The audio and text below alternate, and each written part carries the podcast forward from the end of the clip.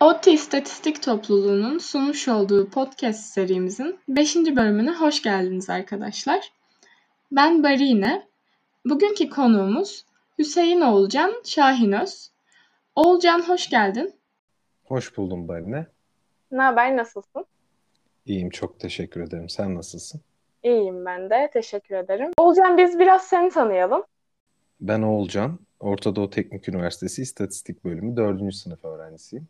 Hali hazırda Sabancı Holding'de insan kaynaklarında stajyerlik pozisyonunda görev almaktayım. Okulumuzdaki istatistik bölümü 4. sınıf öğrencisiyim ama 4. E, sınıftaki ilk senem değil ne yazık ki. 26 yaşındayım. Üniversite hayatım biraz uzun sürdüğü söylenebilir. Genel hatlarıyla beni böyle tanıyabilirsiniz. Peki sen istatistiği bilinçli olarak mı tercih ettin yoksa bu bölümü tercih zamanında öğrenip buraya geldin?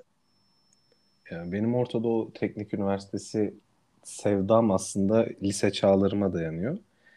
Lise çağlarımda şansıma hep hocalarım, öğretmenlerim e, Orta Doğu Teknik Üniversitesi mezunlarıydı. Ve onlardan duyduğum kadarıyla okulu daha hiç görmeden aşık olmuştum açıkçası. İstatistik bölümünü tercih etme kısmına gelirsek e, mezuna kalmıştım. Ve ailem daha çok e, bir mühendislik bölümünü tercih etmemi istiyordu. Hatta babam aşırı derecede uçak mühendisliği okumamı istiyordu. Fakat benim öyle bir mühendislik yatkınlığım olduğu söylenemez. Tercih döneminde araştırmalarımı yaparken mühendislik ağırlıklı değil, matematiğe olan ilgim, analitik düşünce yapısını sevmem ve açıkçası olayları değerlendirebilme perspektifimi genişletecek olan e, bir bölüm arıyordum. İstatistik bölümüyle bu şekilde tanıştım ve bunun üzerine Orta Doğu Teknik Üniversitesi İstatistik bölümünü yazdım. Anladım. Yani sen e, tercih zamanında bilinçliydin istatistik bölümüne karşı. Evet aslında şu dönemde birçok arkadaşımız e, genel olarak tercih dönemlerinde bizlere yazıyorlar ve soruyorlar. Bir belirsizlik olabiliyor istatistik bölümüne karşı birkaç ön yargı e, kültleşmiş vaziyette. Örneğin böyle bir puan dilimine girmişken neden istatistik, temel bilimlerden bir branş seçiyorsunuz ya da istatistik okuyunca ne olacaksınız? Mühendislik okusanız bu işleri zaten yapamaz mısınız gibi sorular bize sürekli e, soruluyor. Fakat şöyle söyleyebilirim ki istatistiğin kendi dinamikleri hem şu anki dönemde veri bilimi üzerine çalışmalara çok yatkın hem de kendi içerisinde bir disiplini var. Bunu bilerek ve bunu isteyerek tercih etmek açıkçası çok önemli. Bu konudaki soru işaretlerini ortadan kaldırmak çok önemli. Çünkü okula geldiğiniz zaman bu sefer aradığınızı bulamayabilirsiniz. Ya da aradığınızı zannettiğiniz şeyi burada keşfedebilirsiniz. O yüzden bu tarz farkları öğrenebilmek tercih döneminin öncesinde elzem hale geliyor. Ben e, çok şükür ki bütün bu soruları açıkçası kendi içimde yanıtlamıştım. Peki ODTÜ zamanlarında yani okul günlerinin zorlukları ya da sana kattıkları nelerdi? Okula gelmeden önce e, bir arkadaş grubuyla tanışma fırsatı bulmuştuk biz. Bölüm içerisinde hani ilk tercih edenler olarak. E, bunu bilerek gelmek rahatlatıcıydı. Çünkü çok büyük bir kampüse çok yeni bir hayata başlayacaktık.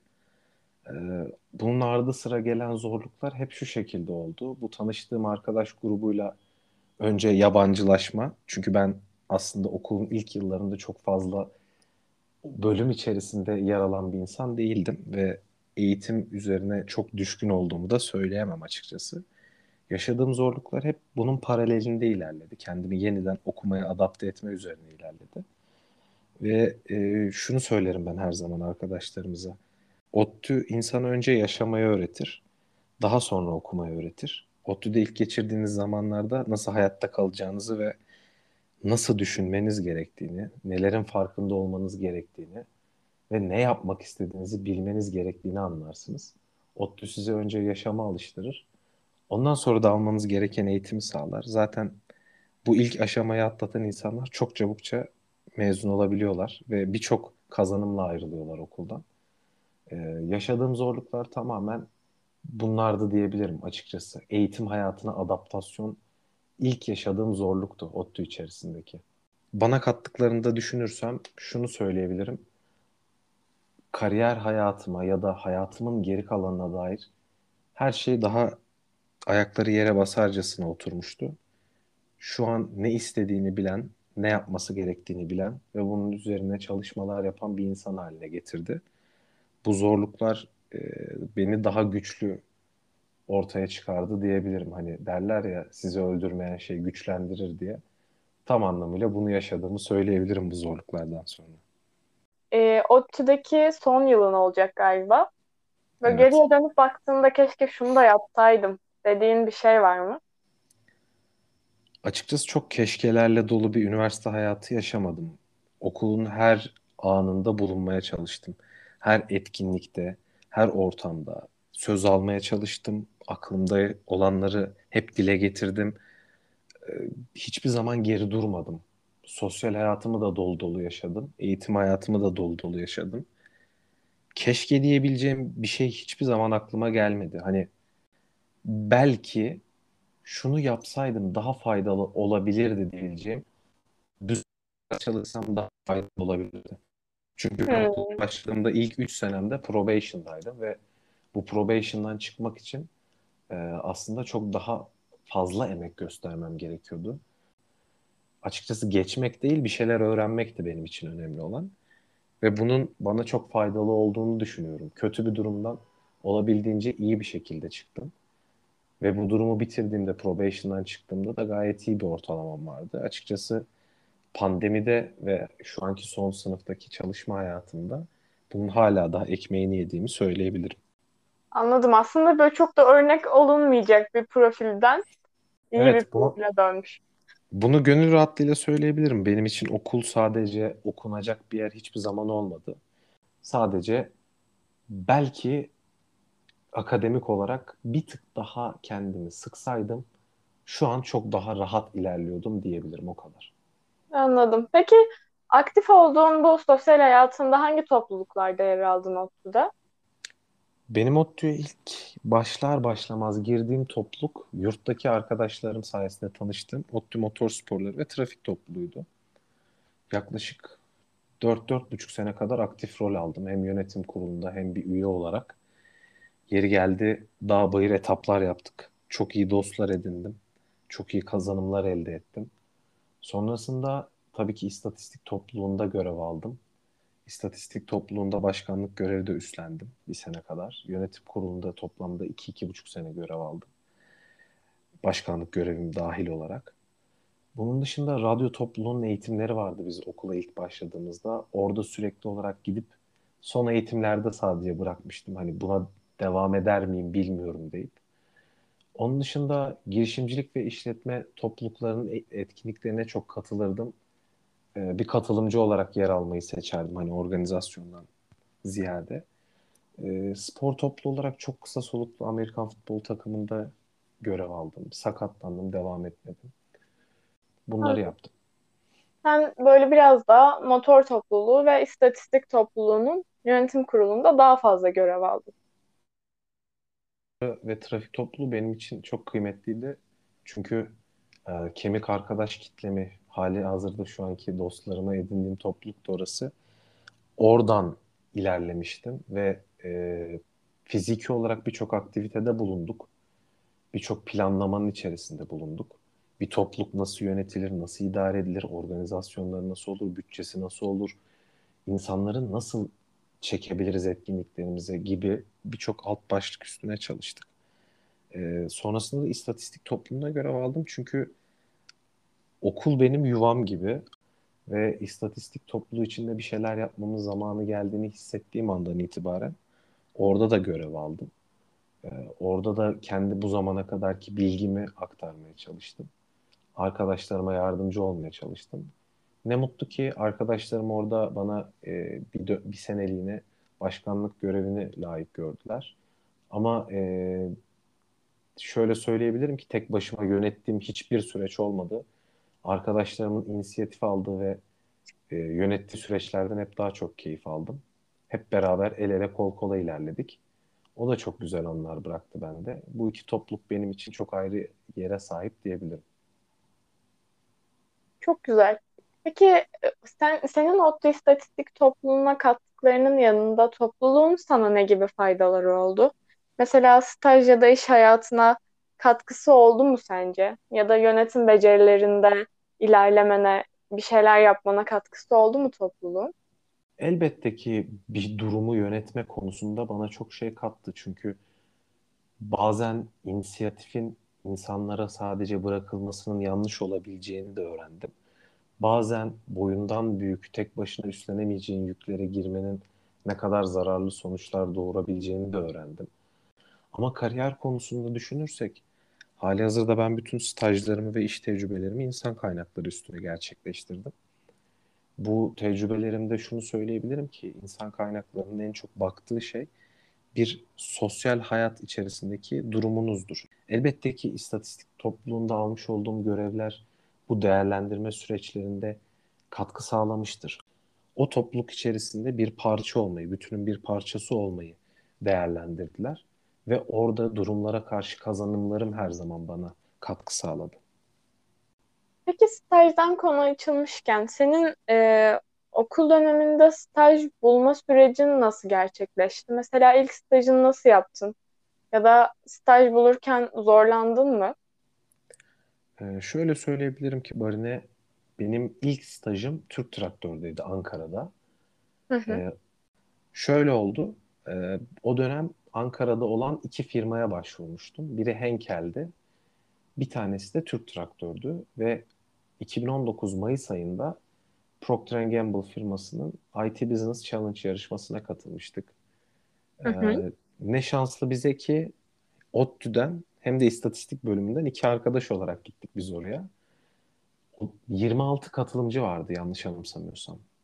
Ya 26 ya 24. 24 olabilir. 24 katılımcı içinde aynı yerden gelen iki insan biz vardık sadece.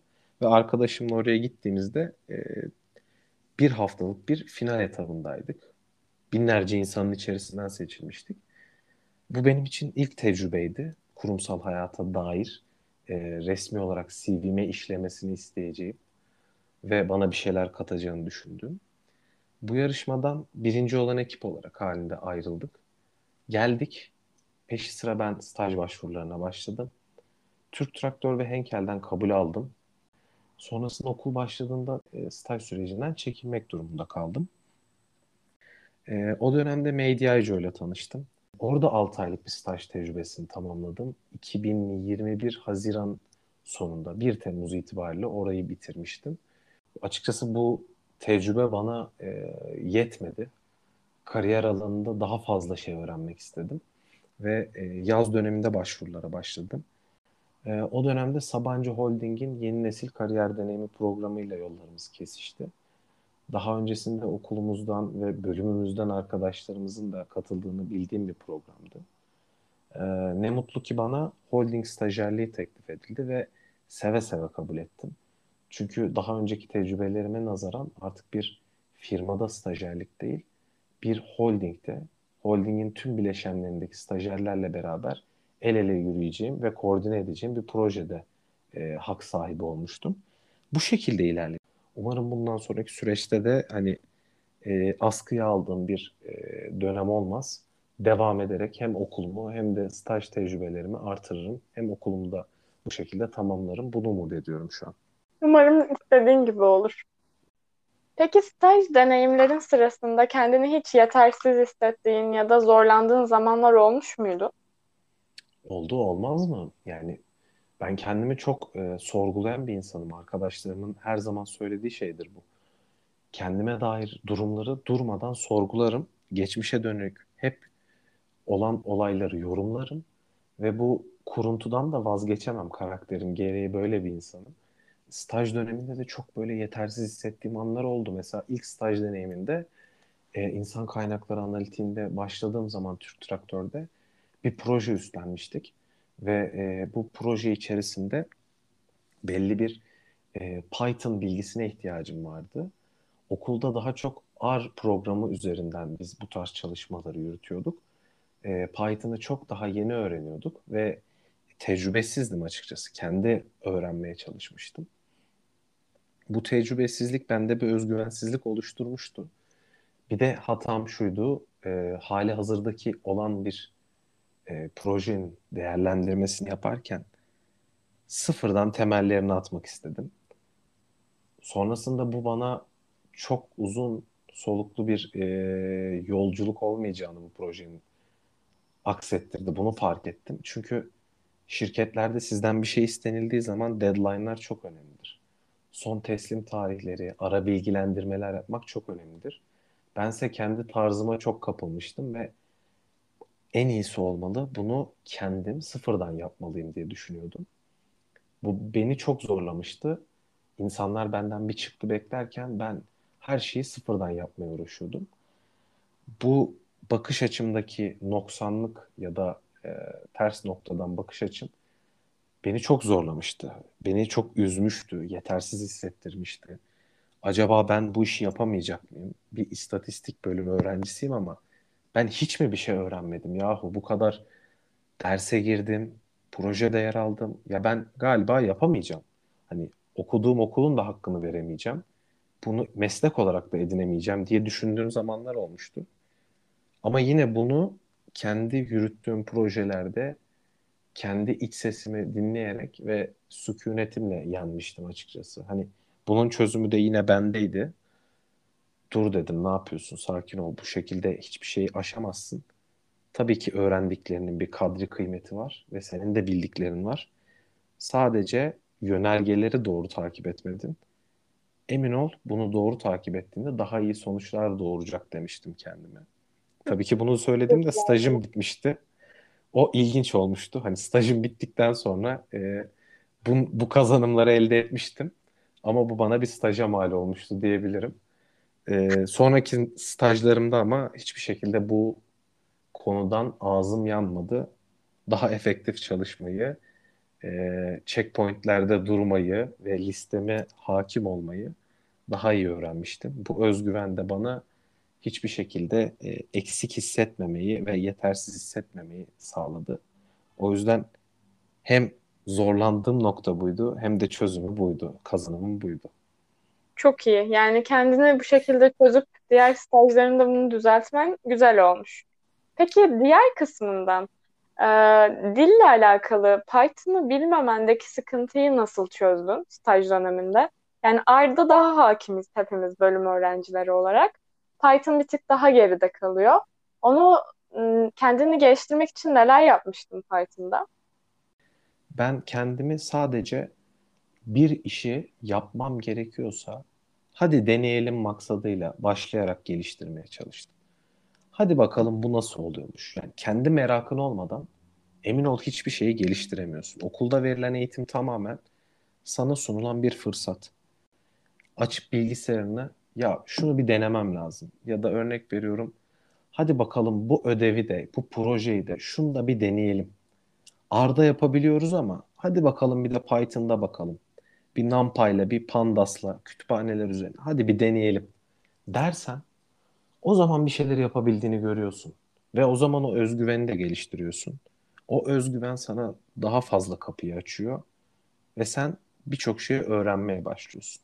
Yani işin özü elin çamura batmalı. Elin çamura bulanmadan ne yazık ki o vazoyu, o saksıyı, o kupayı yapamıyorsun.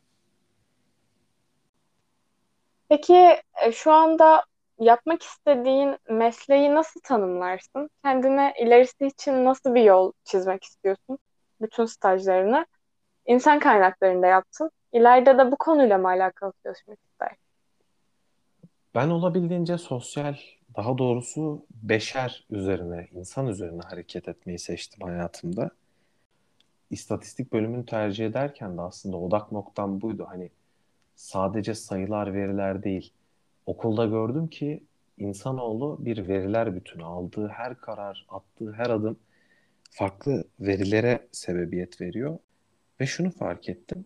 Ben insanlara yardımcı olmak istiyorum. Benim yapmak istediğim şeyler gerek STK'larla gerek farklı kuruluşlarla insana dokunan herhangi bir noktada görev alıp bununla istatistiği birleştirmekti.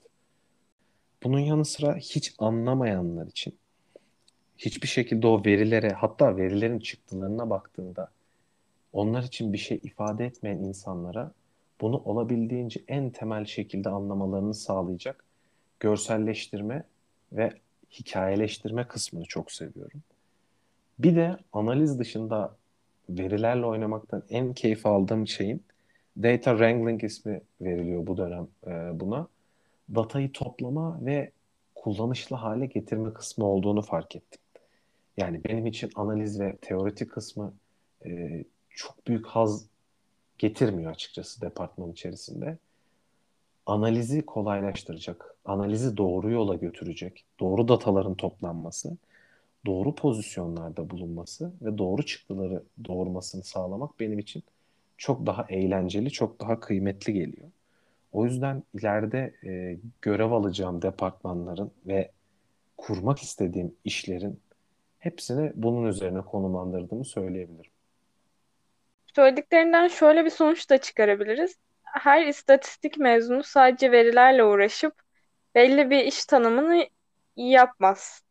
Yani Elbette. insan kaynaklarında çok farklı alanlarda da çalışabilir. Yani biraz Elbette. böyle artık somutlaşmış bir istatistikçi veriyle oynar, veri analizi yapar gibi bir tanım var ama daha farklı yönlere de yönlenebilen birçok farklı bölümü var istatistiğin. Ya şunu söyleyebilirim gönül rahatlığıyla. Bunu soran herkese de söylüyorum. Bu yanılsamayı kaldırmak istiyorum çünkü insanların aklından. İstatistik bölümü okuduğunuz zaman hani Friends dizisini izleyenler bilir. Chandler isminde bir karakter vardı. Veri analiziyle uğraşırdı, rakamlarla uğraşırdı ve hep işinden şikayet ederdi, sıkıldığını söylerdi. İnsanların gözünde Chandler olarak görünüyoruz. Hep baktıklarında bize bilgisayar başında oturan, belli sayıların, rakamların dokümantasyonunu almış. Şu çeyrekte şu olacak, bu çeyrekte bu olacak, şöyle yapılsın. Aman işte medyanını şöyle alın, şuna şöyle bakın diyen sadece e, muhasebeyle temas ettiği düşünülen ya da sadece risk analizi yaptığımızı düşündürülen bir iş tanımı var. Ama e, bu çok yanlış. İstatistik bölümü okuduğunuz zaman emin olun yapabileceğiniz iş tanımı neredeyse sınırsız. Tamam şunu söylemiyorum. İstatistik okudum hadi gideyim inşaat mühendisliği yapayım ya da istatistik okudum hadi ben bir operatör cerrah olayım. Hani bunlar çok komik iddialar olurdu ama e, spesifik özelleşmeler dışında şu anki sektör içerisinde yapabileceğiniz çok fazla şey var. Gerek aldığınız kodlama dersleriyle kendinizi AI, e, yapay zeka ya da büyük veri üzerine çalışırken, makine öğrenmesi üzerine çalışırken bulabilirsiniz. Ya da bir girişimcilik üretebilirsiniz ve bir noktadaki spesifik problemi kaldırmak için bütün bu bilginizi kullanabilirsiniz. Ya da çok o klasik tanımı uyabilirsiniz. Risk analizi departmanlarında çalışabilirsiniz. Bankacılık alanında, alanında çalışabilirsiniz. O yetmez. Aktüellik üzerine çalışabilirsiniz. Eğitmen olabilirsiniz. Akademi üzerine devam edebilirsiniz. Yapabileceğiniz o kadar çok şey var ki insan üzerine benim gibi odaklanabilirsiniz ve beşeri bilimlerle kombine edip hareket edebilirsiniz. Mühendislikle interdisiplin üzerinden gidebilirsiniz. Örnek veriyorum bir havacılık mühendisliği, uzay mühendisliğiyle bunu kombine ettiğiniz zaman oradaki veri yığınıyla ulaş, e, veri yığınıyla uğraşabilirsiniz.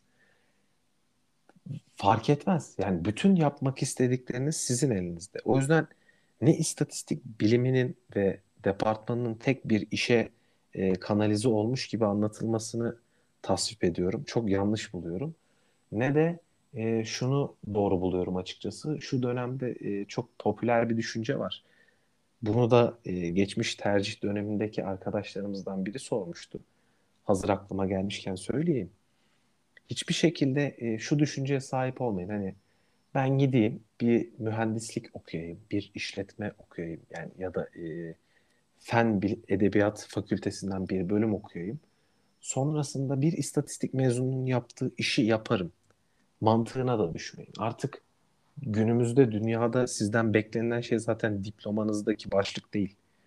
Kendinizi hangi alanda ne kadar geliştirdiğiniz. Yakın dönem araştırmaları gösteriyor ki 5 sene içerisinde üniversite diplomasındaki yazan üniversite ismine dikkat edilmeyecek. Belki 10 ila 15 sene içerisinde de departmana dikkat edilmeyecek. Çünkü işini doğru yapana ihtiyacımız var. Hani şu yanılsamaya asla düşmeyin. Ben bir mühendislik okudum. İstatistikçinin yaptığı veri analizini de yaparım. Onun yaptığı işi de yaparım. Neymiş ki? Çok karşılaşıyorum. Özellikle insan kaynaklarında olmanın bir e, çıktısı bu. Konuştuğum zaman üniversitedeki diğer arkadaşlarımızla ya da başka üniversitelerdeki arkadaşlarımızla hep beklentileri yakın bize yakın gördükleri bölümlerde okuyanların ben veri bilimi üstüne devam edeceğim. Ben e, makine öğrenmesi üstüne devam edeceğim. Ben veri analisti olacağım diyerek e, aslında istatistik bölümü okumayı kendi gözlerinde gereksizleştirmeye çalışıyorlar. E, tercih dönemindeki dostlarımıza tavsiyem sizin için bunu kimsenin yapmasına izin vermeyin. Yani emin olun istatistik bölümünün var olmasının bir sebebi var. Ve sizin almış olduğunuz eğitimi de temel olarak diğer insanlar almıyorlar. Sizi farklılaştıran yegane şey bu ve sizin merakınız. Bunu asla unutmayın derim. Güzel bir tavsiye oldu. Söylemek istediğin başka bir tavsiye ya da bir şey var mı? Verebileceğim tavsiye şu olur. Üniversite tercih dönemindekiler için dediğim gibi ne istediğinizi bilin, kararınızı siz verin. Başkalarının sözlerine ne olur kulak aldırmayın. Bunu kesinlikle söylüyorum ki başkalarının sizin adınıza verdiği kararlar ve sizi etkilemelerine verdiğiniz izinler günün birinde size pişmanlık olarak dönecektir. Hali hazırda okuyanlar için şu tavsiyeyi verebilirim. Bunu niye yaptım demeyin. Attığınız adımın arkasında olun. Kazandığınız öğrenimlere bakın.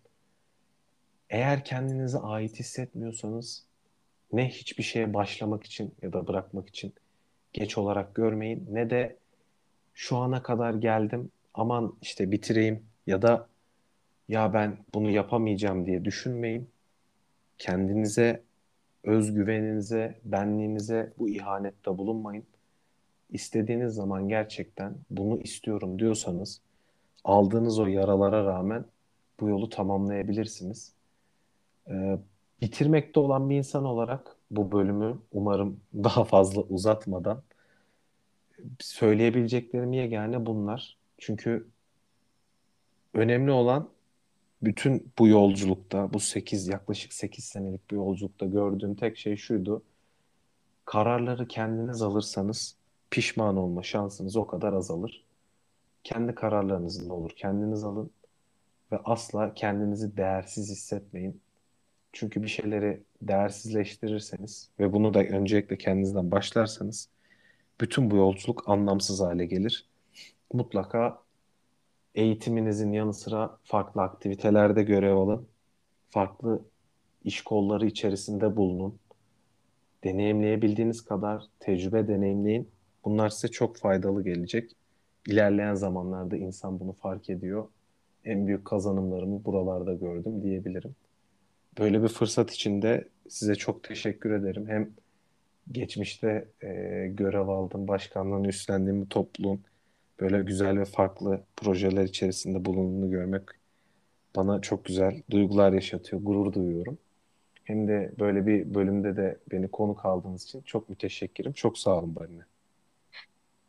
Ben teşekkür ederim. Diline sağlık. Ne demek? Senin de emeğine sağlık. Bugün bizden bu kadar. Dinlediğiniz için çok teşekkür ederiz. Bir dahaki bölümümüzde görüşmek üzere.